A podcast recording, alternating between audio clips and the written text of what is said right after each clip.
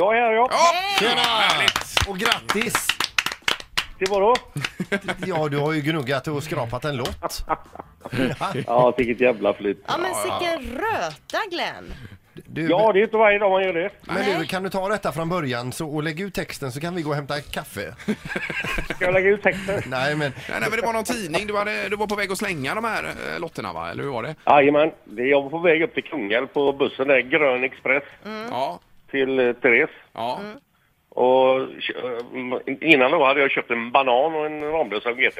mm. ja. Ja, men nyttigt alternativ ändå till en Ja, ja, chokladbit ja, ja och visst, visst, en visst. cola. Och, och jag satt och drack upp eh, Ramlösan och bananen käkade jag upp också och sen eh, löste jag ett korsord. Och sen på, fan tänkte jag när jag kom upp till Kungälv och skulle gå av. ja. Jag, s- fan, jag hade öppet två trisslotter också. Mm.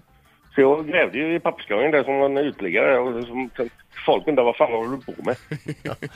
Och jag fick upp de här två trisslotterna så kom liksom, Therese stod lite sent så jag skrapade dem innan.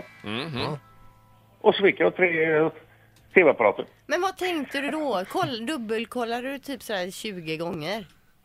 Ja, det var nog fan mer. Det var nog 38 gånger kanske. Ja, men du, men, Glenn, Glenn, var det inte så också att i butiken så hade du frågat är detta något bra eller betyder Ja, jo, jo, jag lämnade, lämnade in den på Maxi i Kungälv. Mm. Ja. Och det stod ju 20, 20 meter kö där inne. Ja.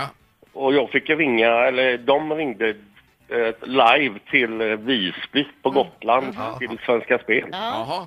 Helt sjukt. Ja, ja, Och ja, där stod men... jag och snackade och så alla fattade ju vad som hade hänt. Ja, det Och får man fråga, hur många kort tog du ihop med folk där inne? Eh, ja, det var en del. Ja.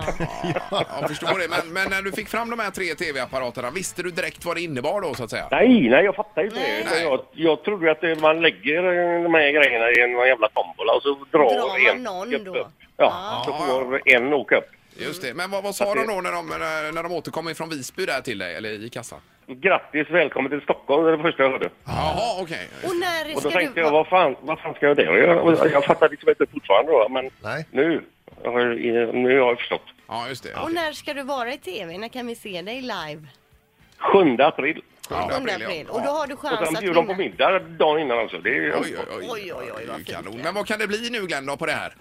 det kan bli allt mellan 50 000, ja, för 50 000 är det, är det Lägst. lägsta man kan vinna. Ja. Och upp till 5 miljoner. Just det. Ja, ja, okej. Oj, vad jag hoppas att du gnuggar fram eh, fem miljoner Glenn Ja, alltså. det hade ju varit grymt. Vad Ah. Va? fan skulle man göra? Vad, vad gör man då? Ja, men man lever gott. Man sitter tight. Mm.